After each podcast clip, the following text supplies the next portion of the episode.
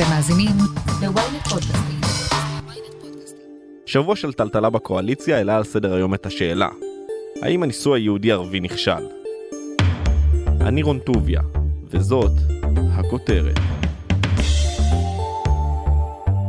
אני מבין את הצורך של אה, תמיד להתעסק עם נושאים שהם אה, מעוררים ומעניינים, נכשל והצליח וכולי, אבל אה, אני חושב שהשאלה הזאת היא שאלה שיש בה טעות בסיסית. הניסוי הזה הצליח. מאזן גנאים? נגד. חברי הכנסת, חברי הכנסת, חברי הכנסת. לאחר שנפלה הצבעה על תקנות יהודה ושומרון בשבוע שעבר, ניגש בסערה חבר הכנסת ניר אורבך לעבר חבר הכנסת מאזן גנאים וצעק לעברו, הניסוי איתכם נכשל. מאז אותה סערה הרוחות לא נרגעו, הקואליציה רשמה הפסדים במליאה, דיבורים על בחירות שוב עלו לאוויר, ואורבך התלבט הרבה, ונכון להקלטת שורות אלו, טרם החליט לאן פניו. אבל השאלה הגדולה שליוותה את השבוע שעבר היא האם הניסוי היהודי-ערבי, זה שחיבר לקואליציה אחת את סיעות ימינה וישראל ביתנו, ביחד עם מרץ ורע"מ, האם הניסוי הזה נכשל? כתבתנו הפוליטית מורן אזולאי, מה את אומרת? לאחר שנה של קואליציה אפשר להכריע בסוגיה? קודם כל אני חושבת שכמו הרבה דברים אה, בשנתיים האחרונות בפוליטיקה הישראלית, גם התשובה הזו היא לא תשובה של כן ולא, וגם אין פה שחור ולבן. אני חושבת שהתשובה הזו היא הרבה יותר מורכבת, כי המצב מטבע הדברים הוא יותר מורכב, ויותר מזה גם תלוי את מי שואלים. כי אם תשאל את הצד אה, השמאלי של המפה, כולל אותה מפלגה ערבית אה, שבעצם אה, החליטה ללכת, או יותר נכון מנסור עבאס, המנהיג הערבי הראשון שהחליט ללכת לצעד היסטורי כזה, תשאל אותם את השאלה הזו, יגידו לך באופן חד משמעי, הניסוי הזה הצליח, ולמה הוא הצליח? כי לראשונה באמת יושבים סביב שולחן מקבלי ההחלטות, לראשונה תקציבים מוזרמים בצורה ככה שוטפת, ובלי תחנונים וכל מיני קומבינות שנעשות במחשכים כפי שהיה עד עכשיו תמורת כל מיני דילים במליאה. ויש באמת הזדמנות להשפיע על כל מיני סוגיות גם ברמה הכלכלית וגם ברמה החברתית לעומת זאת אם חוצים שנייה את הכביש לצד השני ושואלים בעיקר את אנשי הימין בממשלה או, או אפילו הימין האידיאולוגי הימין הקשה יותר אז שם בעצם יגידו הניסוי הזה נכשל באופן נחרץ משום שעובדה שבמשך שנה הדבר הזה מתנהל וגם אה, מקרטע, עובדה שאנחנו מגיעים כאן למבוי סתום, עובדה שדברים לא באמת זזים ולא באמת uh, קורים, ובעניין הזה יגידו לא החברה היהודית ולא החברה הערבית בשלה בעצם למה שקורה כאן עכשיו בשנה האחרונה.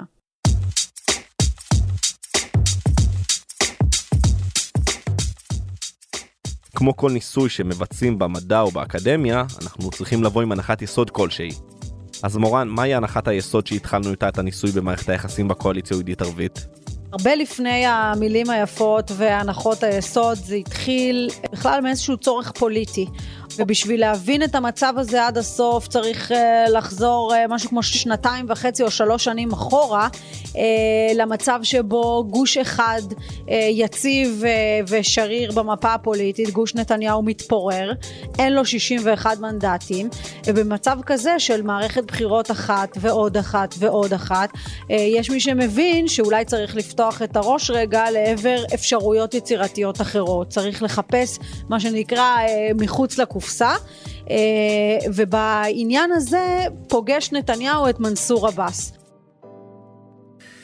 אזרחי ישראל, ערב טוב, אבנא ובנת מוג'תמענה אל-ערבי, אסלאמו עליכום. אני עומד אה, מולכם היום באווירת חג הפסח והפסחה וערב חודש הרמדאן, ונושא תפילה של תקווה. וחתירה בלתי מתפשרת לחיים משותפים על בסיס כבוד הדדי ושוויון אמיתי. האיש שחשב מחוץ לקופסה, הסתובב שם ומצא מחוץ לאותה קופסה את מנסור עבאס, שגם הוא אה, באותה נקודת זמן אומר, צריך באמת לחשב מסלול מחדש. ולראות איך בכל זאת אה, כן מתמרנים כאן אה, בשדה הזה. ואז מתוך איזשהו צורך פוליטי, לפני כל דבר אחר, לפני אידיאולוגיה, לפני איזושהי אמונה אה, ככה כנה שבאמת יכול להיווצר כאן איזשהו משהו חדש או היסטורי, היה כאן באמת צורך. מרגע שנתניהו בעצם אה, אה, חרש את האדמה הזו, הוא בעצם אותת לכל המערכת הפוליטית, אפשר לעשות במרכאות עסקים עם רע"מ, אפשר לעשות אה, עסקים עם עבאס, עבאס גם הצדיק את זה לאורך כל הדרך, אנחנו זוכרים את הרגע הזה המאוד מתוקשר שבו הוא מגיע לבית כנסת בלוד ובעצם מביע הזדהות עם הכאב, וה, אתה יודע אפילו מגנה גם את הפיגוע הזה ועם הכאב של אותם מתפללים יהודים.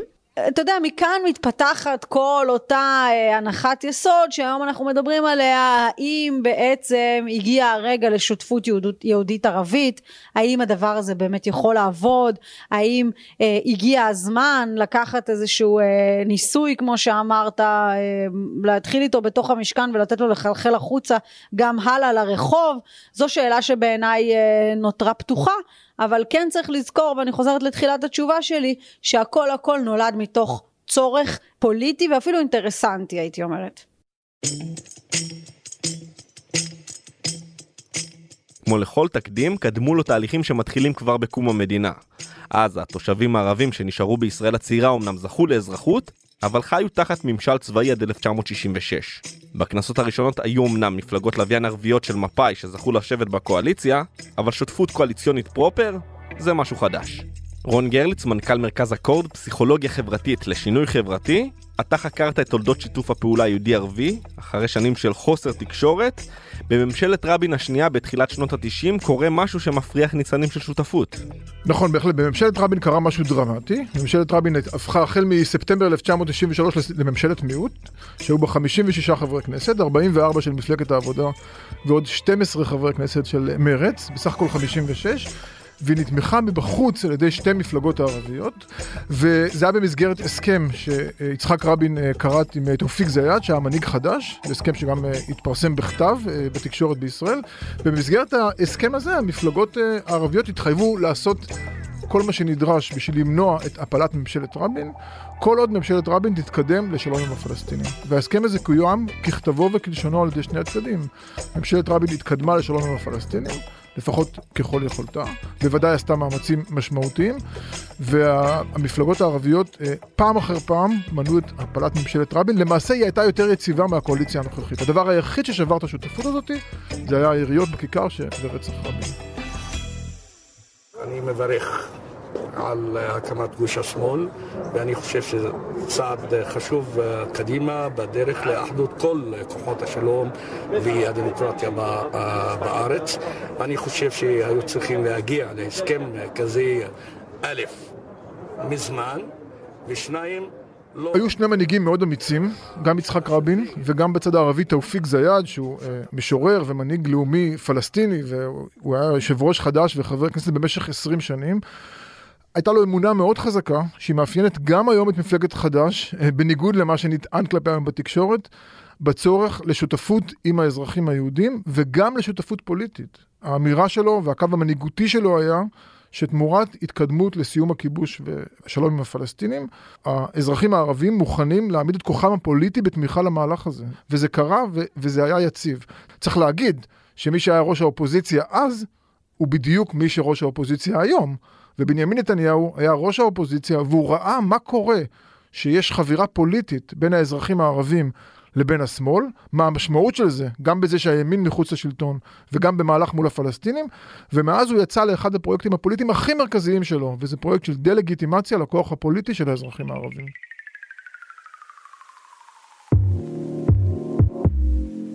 אחרי רצח רבין, נתניהו עולה לשלטון, הסכמי אוסלו קורסים, האינתיפאדה השנייה פורצת, והמפלגות הערביות נדחקות לריק האופוזיציוני לשנים רבות. לצד מקרים של הסתבכות עם החוק של חברי הכנסת עזמי בשארה ובאסל גטאס בעבירות ביטחון, ולצד דחיפה של ליברמן להעלות את אחוז החסימה ולהשאיר את המפלגות הערביות בחוץ, קו הגישה של חד"ש של שיתוף פעולה עם הממשלות כדי להשיג את המטרות הפוליטיות שלהן, עדיין נשמר. רק שהדיכוי והריסון של המפלגות הערביות באמצע המתקפה מימין, די השכיחה אותו. התפיסה הזאת עמדה תחת התקפה של נתניהו ומשתפי הפעולה איתו בליכוד. וגם של אביגדור ליברמן, שהיום הוא חלק מממשלה כזאת, אבל במשך הרבה שנים הוא הוביל מהלכים שהמטרה שלהם הייתה לעשות דה-לגיטימציה לכוח הפוליטי של האזרחים הערבים. ועל הרקע הזה, במשך הרבה מאוד שנים, נשכחה בכלל השותפות הפוליטית שהייתה בתקופת ממשלת רבין. אני פגשתי אנשים, כולל בלב המערכת הפוליטית, שב-2014 הם, הם בכלל לא ידעו שהייתה שותפות כזאת.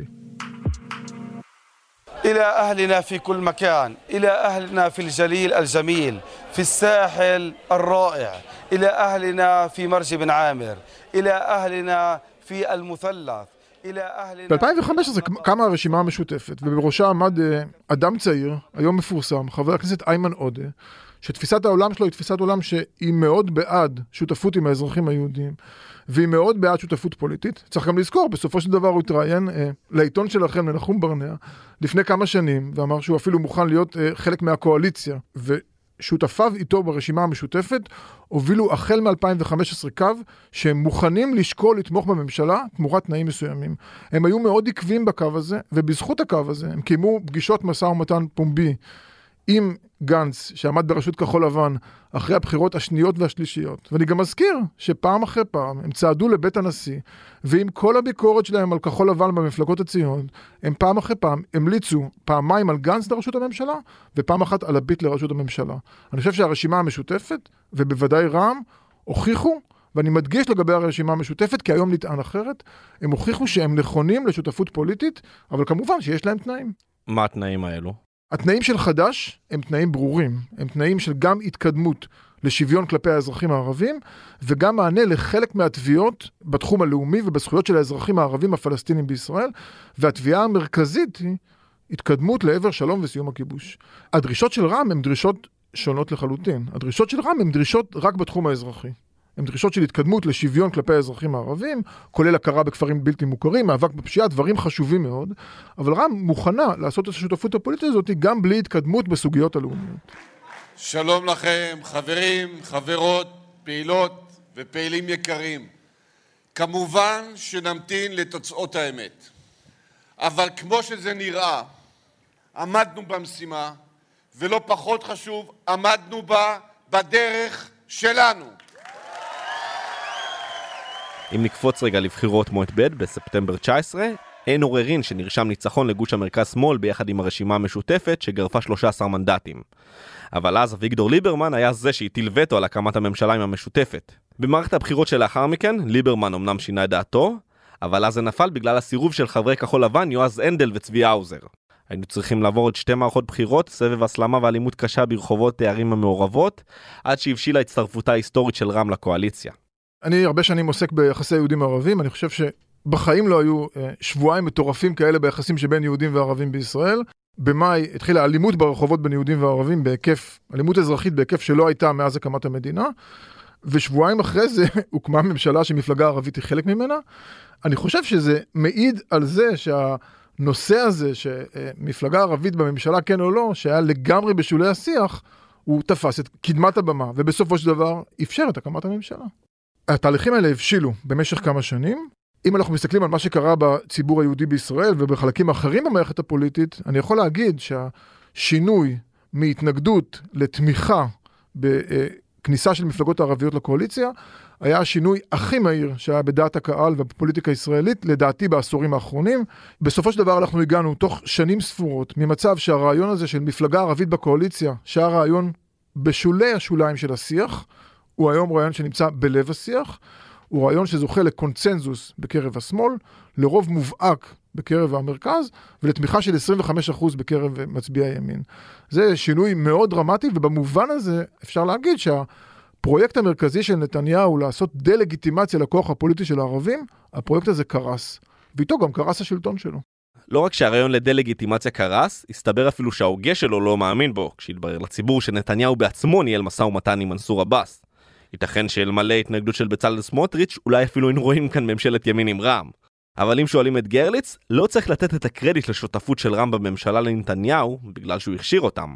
יש פה איזה נרטיב שהכל קרה בגלל נתניהו, אבל בואו רגע נזכיר את העובדות. בבחירות מספר 3, נתניהו הוביל מפעל הסתה מטורף נגד הכניסה השותפות של הרשימה המשותפת אה, בממשלה.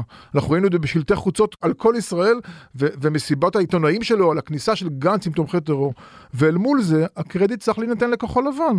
כחול לבן ניהלה משא ומתן פומבי עם הרשימה המשותפת וכל ארבעת מנהיגי כחול לבן הביעו תמיכה בממשלה שהרשימה המשותפת תומכת בה. זאת אומרת, מי שחצה את הרוביקון בעניין הזה, זה גם המשותפת, שגם להם מגיע קרדיט, ומפלגת כחול לבן. זה נכון שבבחירות רביעיות קרה משהו שאף אחד לא ציפה לו, וזה שנתניהו היה מוכן לחבור לרע"מ, אין ספק שזה תרם ללגיטימציה של רע"מ בקרב הציבור בישראל. עוד גם לא דיברנו על הערבים נוהרים בהמוניהם, שזה בכלל... אם תרצה שנדבר על דברי ההסתה שנתניהו אמר כלפי הערבים, אנחנו נצטרך, אני חושב, פרק מיוחד. מיד נמשיך עם הכותרת, אבל לפני כן הודעה קצרה. בזמן שאתם עושים כושר, סיימתם עוד שני פרקים בספר. חדש באפליקציית עברית, ספרים קוליים, דרך חדשה לנצל את הזמן ולהפוך את השגרה לחוויה מרתקת. אז בואו ליהנות מאלפי ספרים להאזנה שמחכים רק לכם. פשוט לקרוא בכל דרך, בעברית. הורידו עכשיו את אפליקציית עברית ללא עלות ותהנו מספר קולי ראשון מתנה.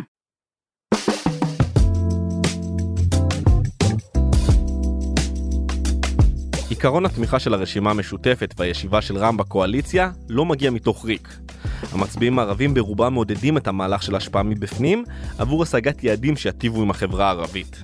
בקרב האזרחים הערבים כבר הרבה מאוד שנים יש תמיכה גבוהה מאוד בזה שהמפלגות הערביות יהיו חלק מהממשלה.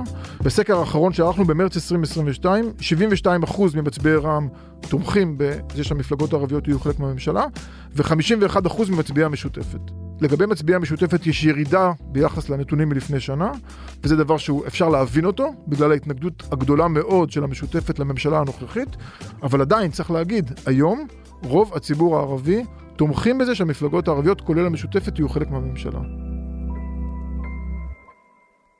אבל לצד כל זה, רע"מ לא מצליחה להשפיע בנושאים הקשורים לסוגיה הפלסטינית, שגם חשובים לציבור שלה. אם זה בנושא מהומות הר הבית, הלוויית העיתונאית שירין אבו עקלה, או פינוי תושבים פלסטינים בדרום הר חברון. מצביעי, ובוודאי המנהיגות הפוליטית של רע"מ, הם ערבים אה, פלסטינים, ככה הם מגדירים את עצמם. ואכפת להם מהפלסטינים בשטחים. יש להם עמדה פוליטית שאומרת שאין אפשרות להשפיע אה, על המצב של הפלסטינים בשטחים, ולכן הם חלק מהממשלה הזאת. יחד עם זאת, הרצון שהוא כן קיים בקרב רע"מ, וראינו את זה גם במאבק על חוק האזרחות, וגם בהצבעה עכשיו אה, על התקנות של יהודה ושומרון, יש להם רצון להתנגד לכיבוש. הם לא מצליחים לעשות את זה מתוך ממשלה שיש בה גורמים ימניים מאוד חזקים, כולל מי שעומד בראשה. הסיכוי של שותפות פוליטית ערבית-יהודית אכן תלוי ביכולת של הממשלה, או ברצון של הממשלה להתקדם לפתור את הסכסוך הישראלי-פלסטיני. שותפות מהסוג הזה, בין מפלגה ערבית לבין ממשלה שממשיכה את הכיבוש, זו שותפות שהיא לא באמת ברת קיימא.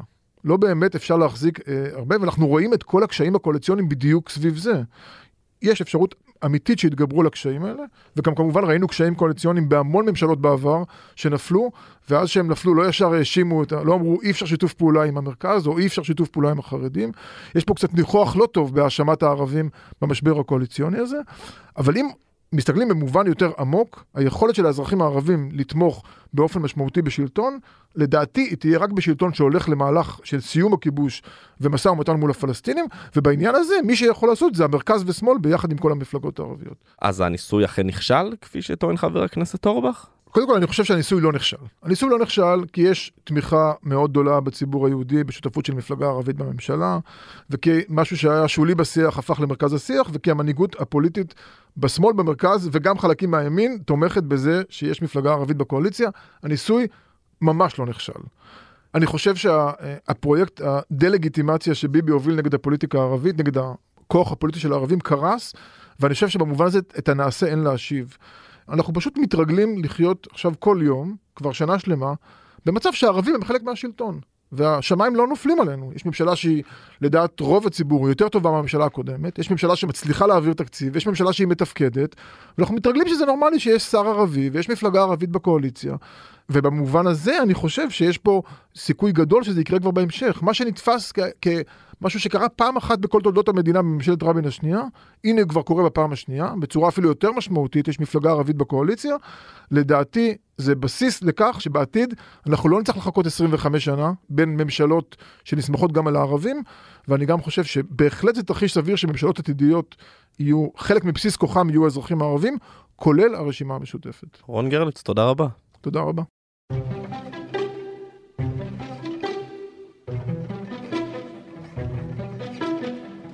מורן אזולאי בחזרה אלייך, אנחנו מדברים בסופו של דבר על שני חברי כנסת ערבים שמורדים בקואליציה, מאזן גנאים ורינאווי זועבי, אבל צריך לזכור שהם שניים מתוך שמונה חברי כנסת ערבים בקואליציה. הם כולה רבע, אז צריך לשים גם את זה בפרופורציות. אנחנו יכולים להסיק שבגלל מספר הצבעות שלהם על צו מצפונם, כל הניסוי הזה נכשל? תראה, קודם כל בקואליציה שבה אה, הרוב הוא כל כך אה, דחוק וכל אצבע לכאן או לכאן אה, יכולה אה, להביא לשרידות הממשלה או להפלתה, אז כן, זה מאוד מאוד קריטי. המשימה של עבאס להביא את כל אה, האצבעות שלו למליאת הכנסת בכל הצבעה היא, היא פשוט חשובה, אין דרך אחרת אה, להסביר את זה, כי בלי זה אין ממשלה, הממשלה הזאת לא יכולה להתקיים. אז יכול להיות שאם הממשלה הזאת הייתה טיפה יותר רחבה, עם uh, מה שנקרא שומנים עודפים, אפשר היה לסבול מצב של שני חברי כנסת סוררים. זאת לא המציאות. כרגע כל חבר כנסת שמורד הוא פוטנציאל uh, בעצם להפיל את הממשלה הזו. הזכרת את חבר הכנסת גנאים, הזכרת את חברת הכנסת זועבי, אבל uh, אתה יודע, אפשר להרחיב רגע את המעגל ולהסתכל על מה שקרה השבוע.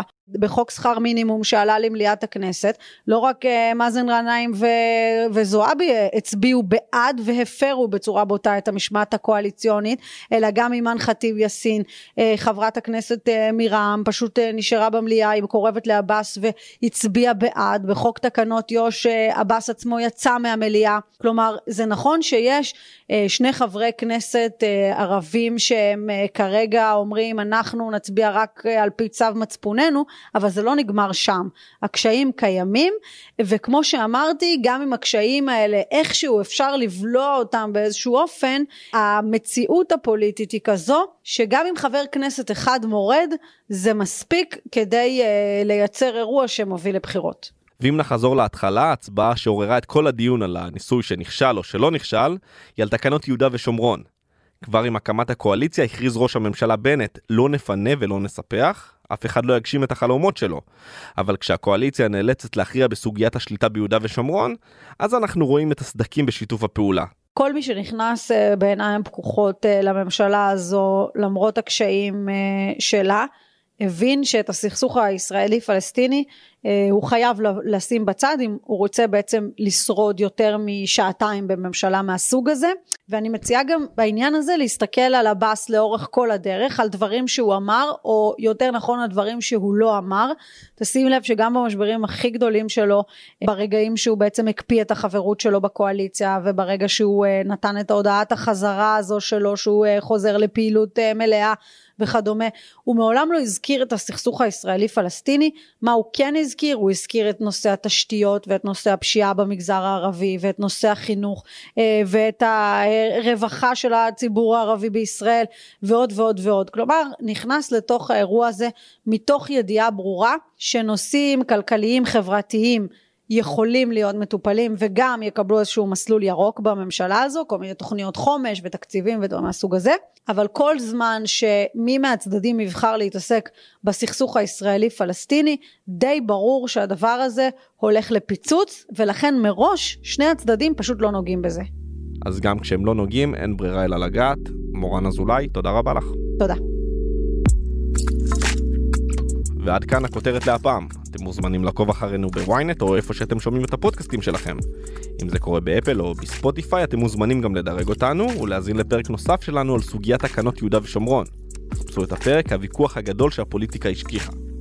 אל תתביישו להציע לנו רעיונות לפרקים שאתם רוצים לשמוע בקבוצת הפייסבוק, פודקאסט להמונים, או אצלי בטוויטר, או בוואטסאפ, או בטינדר, מה שבא לכם, וכמובן אל תשכחו לשלוח את הפרק לחבר שעדיין לא שמע את הכותרת של היום. את הפרק ערכתי יחד עם גיא סלם, על הסאונד, ניסו עזרן, עריכה לשונית אור שמש. סיוון חילאי חברה גם היא בצוות הכותרת, אני רון טוביה, נשתמע בפעם הבאה.